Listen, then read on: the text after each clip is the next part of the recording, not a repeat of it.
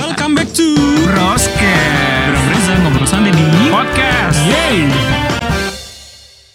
Halo, balik lagi di Broscast bersama saya Reza Helmi. Dan gue Bram Herlambang balik lagi di minggu ini setelah kayaknya kita tuh dalam seminggu banyak banget ya tontonan dan dan apa ya yang seliweran di sosmed. Dan sekarang sejak ada top chart top 10 gitu di Netflix kayaknya semua orang uh, ngomongin itu. Iya, uh, salah satu yang menarik adalah uh, Squid Game ya yang kita akan bahas hari ini. Coba let me check hari ini tuh posisinya keberapa karena beberapa hari terakhir tuh udah pasti masuk ke top 5 malah gue bisa bilang. Ternyata masih nomor satu hari ini. Sejak wow. uh, uh, minggu lalu dia kan mulai masuk, ternyata masih Bener. belum bergeser. Paling uh, naik turun sama hometown Caca-Caca. Biasanya hometown Caca-Caca nih muncul uh, Sabtu Minggu episode barunya, nah itu akan naik tuh nyalip Squid Game. Nanti setelah hari Senin sampai hari berikutnya baru Squid Game nyalip lagi ke depan gitu. Tapi gue nggak mau tanya ke Bram karena kita nggak cuma berdua di sini. Ada Rana di sini yang hadir. Halo Rana. Aduh, gue senang banget loh di di invite malam hari ini. Thank you Bram, Reza.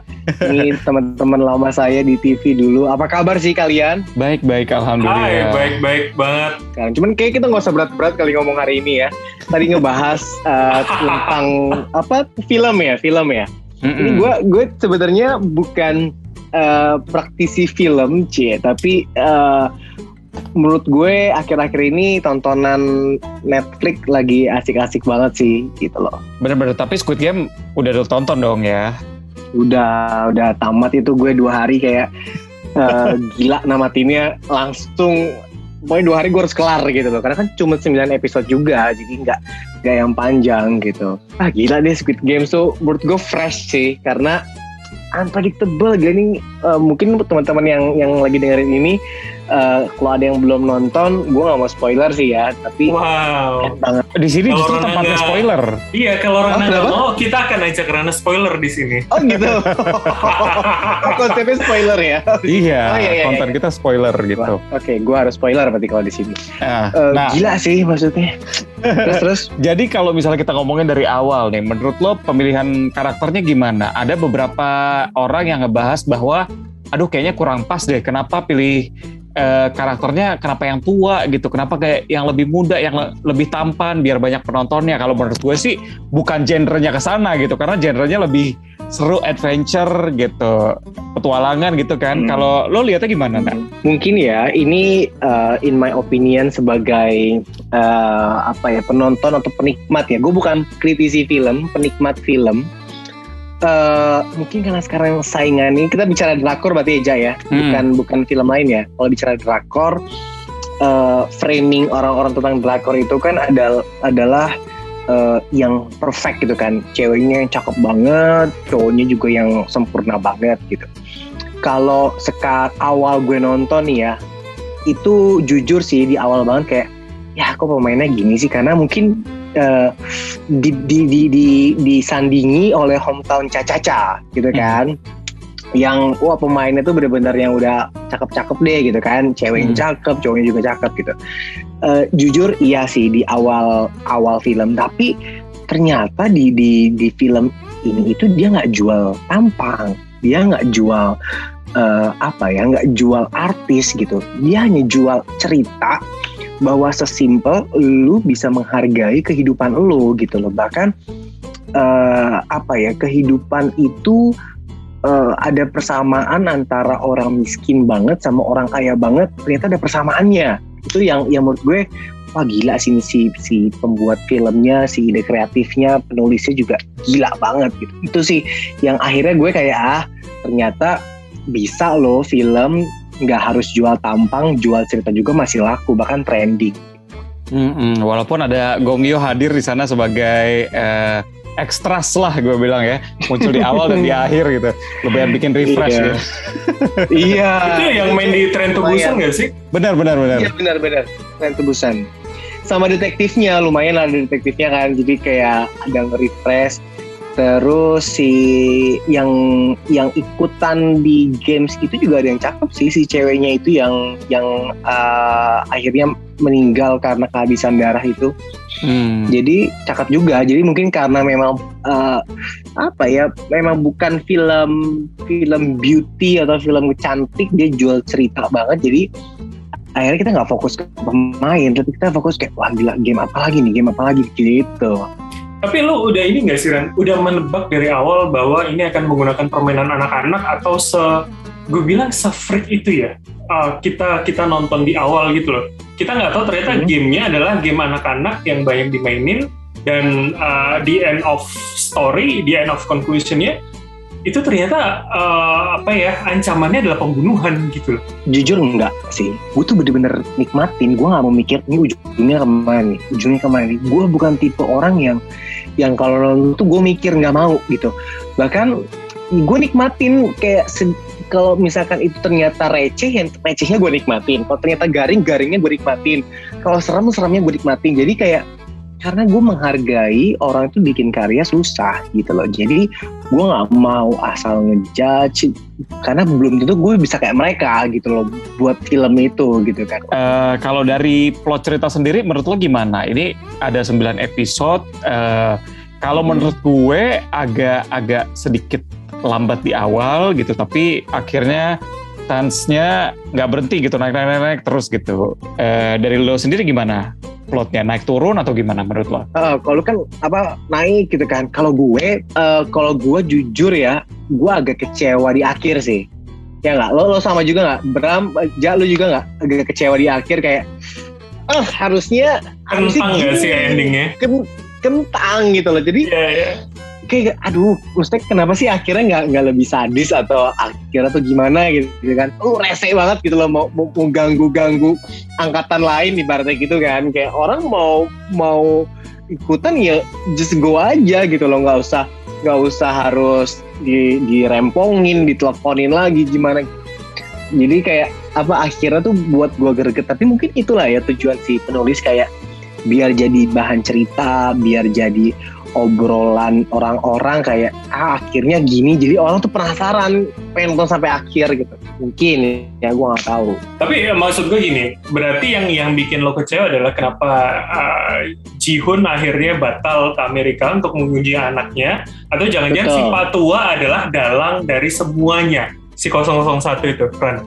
eh gue lebih ke bapaknya kenapa nggak lu ke Amerika jemput anaknya? Atau minimal lu bangun apa kek untuk orang lain? Lu kan ngebantu udah ngebantu si ibunya nih ibu temennya itu. Gue dikasih duit sekoper kan. Even even setahun kemudian itu ya. Iya, even setahun kemudian. Kayak lu buat apa kek lu buat ngebantu orang lain atau ngapain gitu. Ini kok setahun kayak move on itu nggak kelar-kelar gitu loh. Terus, terus tiba-tiba rambutnya dimerahin kayak what for? gitu kan. Tapi menurut gue ya ya mungkin inilah tujuan si si penulis itu biar jadi bahan obrolan dan orang-orang nonton sampai habis gitu. Karena menurut gue eh apa ya core-nya tuh justru pas lagi di game-gamenya itu yang ah, gila sih gila sih gitu loh. Oke, eh, justru kalau menurut gue endingnya begitu adalah untuk tes pasar gimana. Eh, kira-kira orang tertarik gak nih untuk dibikin season 2-nya? Kalaupun nggak dilanjutkan pun nggak apa-apa gitu dengan menggantung seperti ini. Eh, strategi yang bagus menurut gue dan itu jangan eh, eh, sampai diputus gitu. Jangan sampai lo pengen eh, lihat-lihat pasar tiba-tiba ternyata penontonnya bagus, eh bikin season 2 tapi dipaksakan gitu.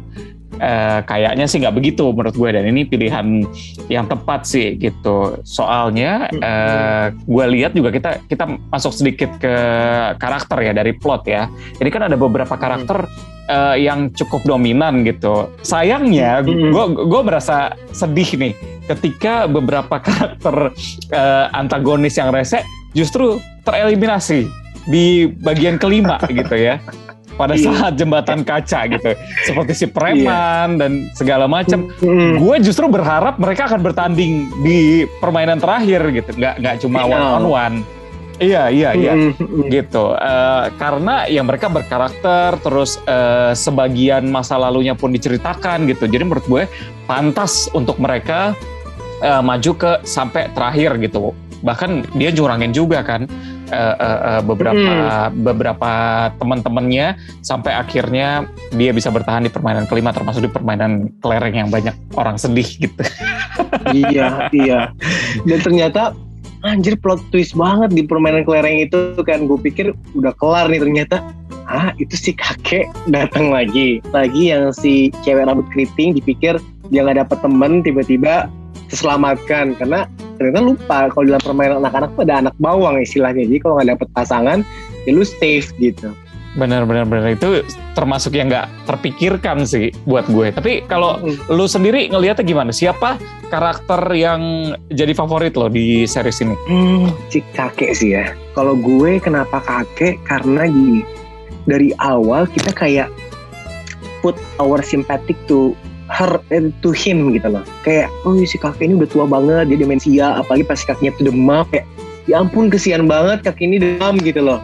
Terus kayak dia nggak punya siapa-siapa gitu kan ibaratnya. Sampai akhirnya dia pas lagi mau permainan kelereng, dia sempet nggak dipercaya sama orang-orang, dia sempet nggak bisa dapet teman gitu kan. Sampai akhirnya dia di kelereng itu di, dicurangin juga sama si pemain utamanya. Eh, si kakek itu akhirnya eh, ditembak gitu kan. Ternyata terakhirnya si kakek itu adalah super power gitu. Dan menurut gue wah gila keren sih si kakek itu. Hmm, orang nggak akan nebak itu kakek ya kan? Mungkin Hmm. orang fokusnya kepada bule-bule eh, yang lain itu loh yang para VIP itu loh. Dipikir fokusnya gitu tapi ternyata si kakek ini yang yang benar-benar dalangnya wah gokil itu kayak menurut gue wah lu, lu gila sih lu gila sih gitu udah sempat bingung duit, juga tiba-tiba. pengen main Heeh, tiba-tiba host nggak datang gitu ya. Sempat bingung juga ini siapa hostnya gitu kok tiba-tiba dia memutuskan untuk tidak hadir. Oh ternyata dia main dalam permainan itu gitu. Kalau karakter favorit gue sebenarnya si preman Iya. tadi itu gitu. Eh gue rasa kalau gue ikut permainan ini pun gue bakal jadi kayak si preman yang licik itu kali ya. sama naga ya Iya iya iya. Gue bakal sel- selicik itu kali ya. Maksudnya segala hal dipertaruhkan gitu. Eh, eh, eh, apa namanya masa depan keluarga gue gimana? Gue keluar dari situ pun harus bawa uang. Jangan sampai gue kalah nggak bawa apa-apa. At least kalaupun gue mati keluarga gue dapat duit. Intinya kayak gitu sih. Gue lebih ke begitu karena biasanya kalau kita lihat eh, di film-film dengan tema survivor seperti ini pasti akan ada karakter yang egois gitu, nggak peduli gitu. Banget. uh, uh, ada karakter yang peduli tapi akhirnya orang yang tidak dipeduli uh, orang yang dipedulikan ini akhirnya tidak semua tidak selamat gitu ya. Kan tipenya yang kayak begitu-begitu value-nya salah satunya itu yang bisa gue ambil gitu. Eh, ibaratnya hikmah hikmah hikmah apa sih yang yang lo lihat ada di series ini? Nah. Mah, kalau gua sih eh, semakin percaya dengan prinsip gue untuk tidak percaya sama orang lain. Karena dulu emang nggak terlalu percaya sama orang lain tipenya dan dan tipe gue adalah ya semua orang tuh punya kepentingan, punya tujuan masing-masing gitu loh. Tapi dengan film ini gue semakin dikuatkan kayak oh lu bener-bener nggak boleh percaya sama orang lain gitu loh. Dan yang paling menurut gue agak-agak hmm, agak-agak bodoh gitu ya eh ya si cewek keriting itu sih gitu kan. Dia percaya sama si preman naga itu terus untuk menyerahkan semuanya and then lo oh, dikhianatin dan lo mati gitu. Akhirnya mati-mati juga. Jadi kepercayaan sih gitu. Sama bersyukur. Nah itu value itu kepercayaan dan bersyukur yang gue dapet dari film itu Gue sih malah kebalikan dari lu sih, Aaron. Gue merasa bahwa film Hmm. ini tuh mengajarkan Hmm. mengajarkan kepercayaan gitu loh sama orang. Menurut gue ya, Jihun segitu uh, segitu Hmm. belain Hmm. timnya, terus kemudian Hmm. uh, dia dia ya menurut gue dicurang hanya di akhir ketika dia bertanding dengan si Patwa 001 itu. Tapi Hmm. sampai terakhir pun dia ternyata tidak membunuh si temennya yang temennya Iya, pintar iya. banget yang dia Hmm, kuliah hmm. di salah satu Hmm. universitas Hmm. uh, bagus itu loh. Jadi menurut gue sebenarnya ini sangat mengajarkan kita untuk percaya sama orang. Uh, walaupun banyak orang jahat gitu loh di luar sana. apa itu lebih ke loyalitas ya Bram ya? Maksudnya lu loyal sama temen lo sendiri gitu loh. Karena kalau kalau gue lihat ini memang friendshipnya ini gila banget sih si si pemeran utama ini gitu. Karena sampai terakhir dia udah menang juga, dia kaya juga, dia masih nggak memperbolehkan orang lain untuk main gitu loh kayak trust is mungkin lebih kepada itu karena kayak di awal itu yang main tren tubusan itu eh, dia nawarin lo ikut aja sini lo gini-gini. Akhirnya dia mau masuk. Dia kan kayak kita percaya sama orang lain tapi ternyata kita dijebak. Itu kalau menurut gue benar-benar banyak value yang bisa diambil ya. Tapi gue malah melihat di sini adalah perjuangan seorang ayah eh, sekuat itu bahkan mempertaruhkan nyawa untuk untuk eh, bisa dekat dengan anaknya yang yang harus Iya. berpisah berangkat ke Amerika nanti. Gitu. Jadi mau nggak mau dia akan mengumpulkan uang Heeh. supaya hak asuhnya eh, bisa ada dan dia bisa sama-sama terus sama anaknya. Justru poin yang gue lihat dari situ sih perjuangan seorang ayah gitu ya yang yang luar biasa gitu. Oke, kita lanjut eh, soal permainan gitu ya. Kan ada satu permainan permainan unik sekali Hmm. gitu. Squid Game, lampu merah lampu hijau, gulali, tarik tambang, kelereng, eh, jembatan kaca Hmm. sama terakhir permainan cumi-cumi atau Squid Game gitu. Kalau dibayangin permainan ini ada di Indonesia, kira-kira permainan apa aja? Permainan tradisional kita yang yang yang menurut lo bakal seru untuk dijadikan permainan ini. Coba dari Bram dulu deh. Ah, yang jelas pertama adalah benteng-bentengan. Terus kemudian pati lele, karena itu ngegrup juga. Eh, Kalian tahu nggak sih pati lele? Di, di. Jawa ada. Oh nggak tahu ya? Gue juga nggak tahu. Apa perlu gue jelaskan di sini? Intinya sih tetap ngegrup. Kalau karet kayaknya mungkin nggak semua bisa ya. Cowok mungkin jarang main karet. Kelereng sih gue berpikirnya. Uh, Hmm. ketika kemarin misalkan beberapa orang main kelereng dengan beragam jenis uh, permainan gitu kan, gue mikir Hmm. di Indonesia kalau ada di Indonesia ada berapa jenis ya sebenarnya kelereng? Apakah cuman yang kayak kita dulu suka nyentil apa sih gitu nyentil nyentil gitu Ah, ah, ah. Apakah ada yang kayak si siapa si premannya itu kan dia ngelempar masuk ke dalam lubang? Ah, kayaknya itu nggak ada di Indonesia ya. Nggak ada, nggak ada. Hmm, iya nggak ada gue belum nemu sih Mhm, kalau gue Gambaran sih juga kayaknya. seru kali ya. Yang mana? lompat tali nggak Jadi sih dia lompat pakai- tali Pakai kartu dua ditepok begini. Kalau yang Oh, karakternya pada iya, atas iya, menang iya. gitu.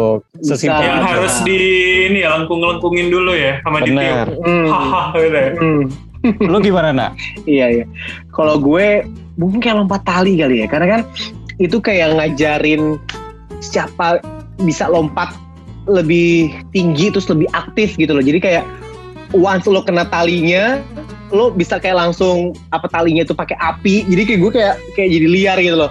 Ya kan tali itu ada api, terus begitu kayak lo lompat-lompat kayak gitu, terus ya once lo kena misalkan baju lo bajunya ada baju lo yang mudah terbakar gitu udah pakai misalkan udah pakai bensin atau pakai apa gitu jadi kayak once lo nyentuh sedikit lo langsung kebakar semua itu kan lebih sadis gitu kan menurut gue sih gitu. Ran tapi Ran. psikopat banget ya terus eh, selain itu eh, mungkin eh, apa ya yang lompat kaki kali ya yang satu-satu itu apa namanya tuh yang ada Oh. kotak-kotak-kotak gitu satu-satu gitu gue lupa namanya apa itu. Mungkin itu eh, kalau misalkan lo apa namanya jatuh terus atau apa kaki lo misalkan di di pot. Jadi menurut gue eh, sadisnya tuh lebih pelan-pelan gitu. Kan kalau si Sweet Cake kan langsung dak mati. Kelar gitu. Tapi kalau misalkan ini tuh lebih lebih ke sadis kayak ada dipotongnya dulu jadi kayak campuran ada saunya ada Squid Games-nya jadi kayak orang tuh suffer dulu gitu loh gila banget sih Ada Fear Street-nya gitu ya. Sebenarnya salah satu yang menarik adalah main enggrang sih, tapi di jembatan kaca itu. Hmm, iya benar itu eh, Atau lampu bawahnya kalau jengking nggak? Bawahnya kalah jengking. Lebih ke fear factor kalau itu ya.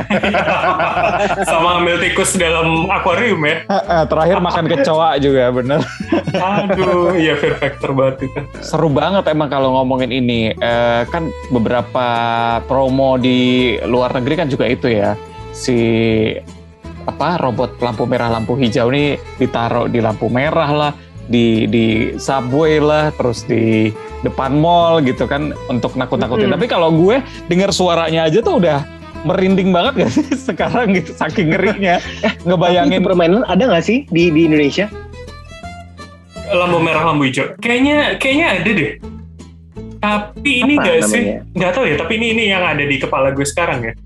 Eh, Hah? misalkan kita lagi outbound, lagi lagi gathering gitu, itu kan sering yang Hah? misalkan distelin lagu, misalkan lagu dangdut, ketika lagunya Hmm. berhenti kita harus diem. Ketika yang gerak Hmm. kalah. Itu relate nggak sih? Atau Oh Iya nggak? Iya kan? Pasti pernah dong.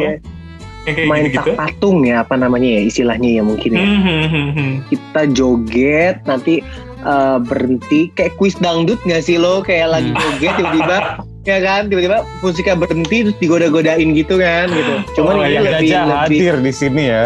Iya, ayah Jaja Miharja gitu kan.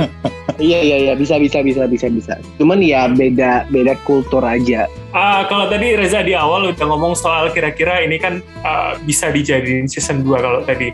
Nah, menurut Rana, gue pengen ke Rana lagi nih. Mm. Ini eh, perlu nggak sih dilanjutin season 2 atau selesai sampai sini aja? Hmm, menurut gue ya, kayak nggak usah deh. Kayak ya udah cukup aja udah gitu. Kalau lo bikin season 2 menurut gue eh apa ya? Jadi jadi nggak seru lagi gitu. Dan kayaknya menurut kayaknya kalau di di, di eh, Korea film Korea yang memang hits banget itu jarang ada yang season 2 sih. Eh apa ada ya? Tuh tuh gue lagi lagi inget-inget kayak eh, kemarin sempat rame itu Itaewon Class nggak ada yang season 2 Iya, tergantung eh, rumah produksinya mungkin ya gitu. Kalau kalau memang Jadi dirasa menurut lo cuannya cukup, ya nggak apa-apa dilanjutin, dilanjutin aja. Nanti mungkin banyak yang subscribe gitu. gitu ke sana.